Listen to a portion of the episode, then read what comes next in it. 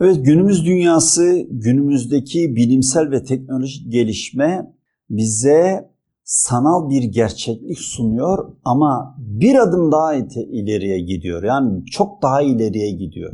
Şimdi bu algı bizi aldatan bir şey idi. Yani sihirbazda bu aldanmayı isteyerek yapmıştık. Arkadaşımızın iyi bir at binicisi olmasına çok da umursamadık. Ama ondan sonra baktık simülasyonlarla, simülatörlerle aslında iyi bir şey olduğunu gördük. Ve bizim hislerimizde geçmişte diye ki sevdiklerimizin tekrar önümüze getirilmesiyle duygusal bağlarımız da oluştu. Yani sevgi, nefret buralara da hitap edebildiğini gördük. Şimdi başka bir şeyleri daha görebiliyoruz. Ne diyoruz? Bunların hepsi bilgisayar programıydı.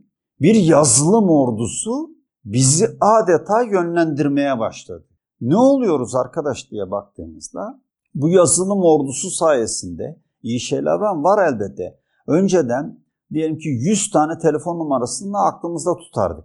Ya da küçük bir kağıda yazardık. E şimdi elimizde bir telefon içerisinde yüzü bırak 100 bin tane telefon numarasına ulaşabiliyoruz. İstediğimizi arayabiliyoruz. Görüşebiliyoruz. Şimdi bu bizi yavaş yavaş tembelleştirmeye başladı. Hatta biraz daha provokatif olarak konuşursam bu bizi yavaş yavaş aptallaştırmaya başladı. Bir yazılım ordusunun bizi yönlendirdiği şekilde olgunlaşmaya başladı. Önceden insan, insanı kamil gibi kavramlar vardı. Bu sonsuz bir eksende insanın olgunlaşması ile ilgili bir eğitim alması meselesiydi. Şimdi bu yazılımcıların tahayyül ettiği kapasite bizim için son olan yer. Yani onların istediği yere gittiğimiz zaman biz ereğimize ulaşmış oluyoruz. Böyle bir ortama doğru gidiyor. İşler oraya doğru yönüyor. Yani hele hele son gelişmeler ne yaptı? Ortama sanal gerçekliği sokmaya başladı. Yani ortama yüklenmiş sistemlerle karşı karşıyayız. Yani öyle bir robotlar ya da üç boyutlu görüntülerle, robotlarla bizim karşımıza yine yazılım ordusunun yazdığı, donanımcıların yaptığı belki insanlarla karşılaşacağız. O ortam direkt olarak birebir ortamlarla biz çok ileride operasyon yapacağız. Şimdi bu iyi bir şey mi? İyi taraflarını sürekli insanlığa anlatılıyor. Zaten hiçbir zehir yani böyle çok pis bir kasede verilmez. Altın kasede en kaliteli zehir veriyorlar. Şimdi bunları red mi edelim? Hayır reddetmeyelim ama şimdi aldatılmayla algıyı kabul etmeyi ayırt etmeye başlayalım. Yani yapmak istediğimiz aslında bu seride yapmaya çalıştığımız da odur. Şimdi şöyle düşünün bize ne diyorlar? İşte adam Amerika'da oturacak robot kollarla Japonya'daki bir hastanın ameliyatını yapacak. Yapılıyor mu? Yapılıyor. Günümüzde oluyor. Şimdi siz gireceksiniz bir simülatöre işte savaş pilotu olarak biz diyecekler ki size savaş pilotu eğitim simülatörü girdiniz. Size bir program verdiler. Verdikleri programa göre bir yere gitmeniz gerekiyor. Oraya gideceksiniz. O gittiğiniz yerde belli bir yerlere füze fırlatacaksınız. Oraları patlatacaksınız. Saldırılar olacak. Saldırılardan vurulmadan kurtulup kaçıp geleceksiniz. Girdiniz simülatöre. O savaş oyunu dediniz. O oyunu oynadınız, çıktınız. Çıkınca millet sizi alkışladı. Komutanlarınız aferin çok başarılı bir operasyonu yaptın geldin. E ne?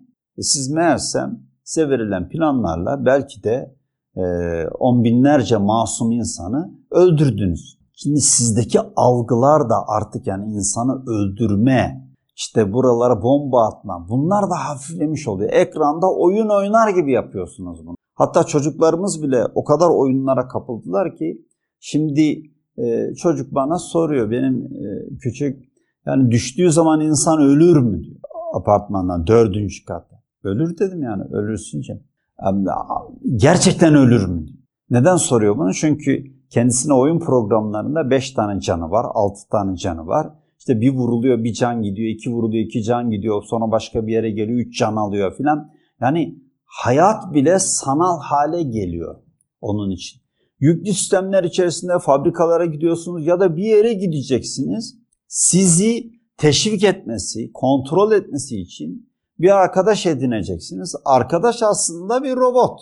Fakat sizinle beraber hareket eden, sizi yönlendiren, teşvik eden bir eleman gibi yapılmış, imal edilmiş bir robot olarak karşınıza çıkacak. Şimdi buradan demeye çalıştığımız nedir?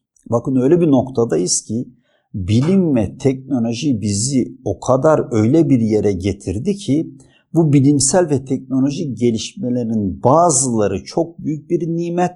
Bunu bir insanın işte e, nano boyutta e, şeylerine girip hücrelerine girip oralarda tamirat yapılabilmesi, Amerika'daki bir doktorun Türkiye'deki bir hastayı, hastayı ameliyat etmesi bunlar hepsi çok güzel şeyler. Ama insan olarak bizim kendi kabiliyetlerimiz, bilgi, beceri ve yetkinliklerimizi bu yazılım ordusu ya da bu tasarlayıcılar adeta çalmaya başladılar. Çalıyorlar. Bilgi edinmemize gerek yok. Neden? E çünkü elimizin altında.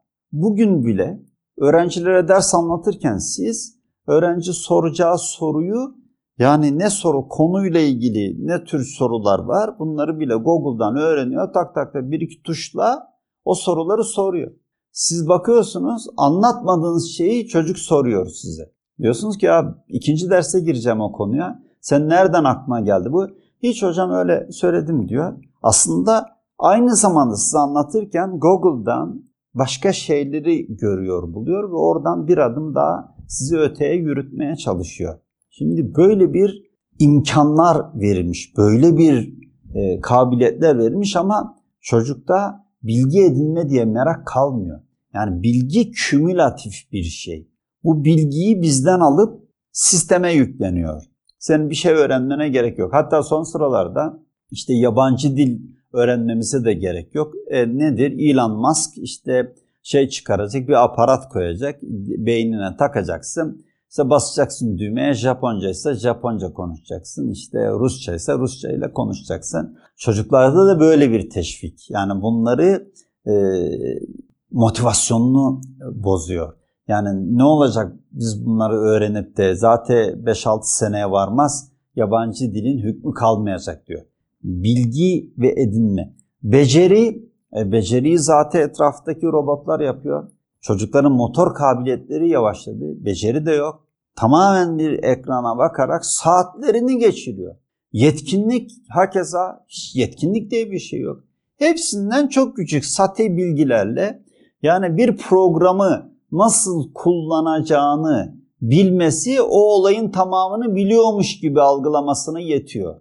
Böyle bir dünyanın içerisine giriyoruz. Dedim ya biz insan olarak böyle teknoloji, bilimsel ve teknolojik gelişmeler bizi öyle bir noktaya getirdi ki böyle bir nokta içerisinde biz insan olarak kendi misyonumuzu sorgula, sorgulayacak hale geldik. Yani biz insan olarak neyiz? Ne, ne tür bilgi olması lazım bizde? Ne tür becerilerimizin olması lazım? Ne tür yetkinliklerimizin olması lazım? Bunları sorgulamıyoruz. Şimdi siz deseniz ki bazı şeylere itiraz etseniz bir dakika kardeşim ya. İnsanın temel bazı bilgileri bilmesi gerekiyor. Bazı şeyleri yapabilmesi gerekiyor. Bazı konularda yetkin olması gerekiyor. Sanki sizi bu bilimsel ve teknolojik gelişmeye karşıymış gibi lanse edip böyle e, sunuyorlar. Yani işte bilimsel gelişmelere karşı tipler de var gibi lanse ediliyorsunuz. Hayır. Şimdi bilimsel ve teknik gelişmelere karşı olmak başka bir şeydir. Önümüze getirilen kurguya itiraz etmek başka bir şeydir. Bakın bunlar bizi nerelere kadar götürüyor. Şimdi bu kurgudan kurguya size bir kurgu söyleyeyim. Siz seçimlerde başkan seçiyorsunuz. Bir ülke kendisine başkan seçiyor. Şimdi bu köy değil ki yedi sülalesini bilesiniz seçeceğiniz adamı. Amcasını, dayısını, eniştesini, hepsini işte geçmişleriyle beraber bilesiniz. Bir insan bir anda öyle takdim ediliyor ki siz bu ülkeye başkan olacak adam nasıl bir adam olması gerekir diye zihninizde bir şey canlanıyor O canlanan şeyi karşınızda o adamda görüyorsun. Hakikaten o adam seçtiğiniz adam sizin bilgisi, becerileri, yetkinliği şöyle olması gerekir dediğiniz adam mı? Hayır. Çünkü o seçimlere soktukları o başkan adayının etrafında bir kadro var, bir kurgu oluşturuyor. Ne yapıyor? Bunlar önce gidiyorlar, bir saha çalışması yapıyor, saha araştırması yapıyor. Yaptığı saha araştırmasında sizlere, bizlere diyorlar ki başkan nasıl olmalı, nasıl giyinmeli, nasıl yürümeli, ne yemeli, güneşli havada ne olmalı, rüzgarlı havada nasıl durmalı, hangi olay karşısında nasıl tepki vermeli, çocukları görünce ne yapmalı, 3-5 çocuk futbol oynarken görünce onlara arasına dalmalı mı, seyretmeli mi, slogan atması gerekiyorsa nasıl slogan atmalı, bunları soruyorlar. Bunlardan sonra bir halkın istediği başkan profili çıkarıyorlar. Ondan sonra adamı alıyor, halkın istediği başkan profili rolünü oynatıyor. Ve bu yeni bir şey değil. Yıllar önce yurt dışında talebeyken bir belgesel izlemiştim. Ronald Reagan'la ilgili. Ronald Reagan'ı nasıl başkan yaptık diye kampanyasını yürüten ekibin hazırladığı bir belgesel. Adamlar dediler ki ya işte Reagan artist olduğu için bizim onu yetiştirmemiz ve halka takdim etmemiz çok kolaydı. Çünkü çizdiğimiz kurguyu harfiyen oynuyordu. Biz mesela nasıl yürüyecek, elini cebine ne zaman koyacak, hangi açıdan bakacak yerlere bazen tebeşir çiziyorduk. Tebeşirden renkli tebeşirlerle o onlara bakarak rolünü oynuyordu. Ama halkın istediğini görmüş oluyordu halk. Tam bizim aradığımız başkan bu başkandır diyordu. Bakın ta o zamanlar başladı bu algı oluşturma. Günümüze peki orada yapılan nedir? İşte o orada yapılan kandırmadır. Tamam simülatör olsun pilot yetiştirmek için o bir eğitim parçasıdır. Ama siz bizi yönetecek insana gelince ya da size bazı ürünleri sevdirmeye gelince, bazı şeyleri yaptırmaya gelince bu tür algılar oluşturuluyorsa burada bir kandırmaca, burada bir aldatmaca var demek. Şimdi demek ki günümüzde algı oluşturmak bazı şeyler için kabul edilebilir ise kurguya göre bazı şeyler için aldatma zeminini oluşturmuş oluyor. İşte bizim ayırt etmemiz gereken kısım bu kısım. Günümüzde yapılan bazı kurgular tamamen bizi aldatmaya, kandırmaya yönelik kurgulardır ama yoğun bir şekilde bu kurgular içerisinde bilim ve teknoloji ki imkanlar, bilim ve teknolojinin vermiş olduğu imkanlar sonuna kadar kullanılmaktadır. Sonuna kadar.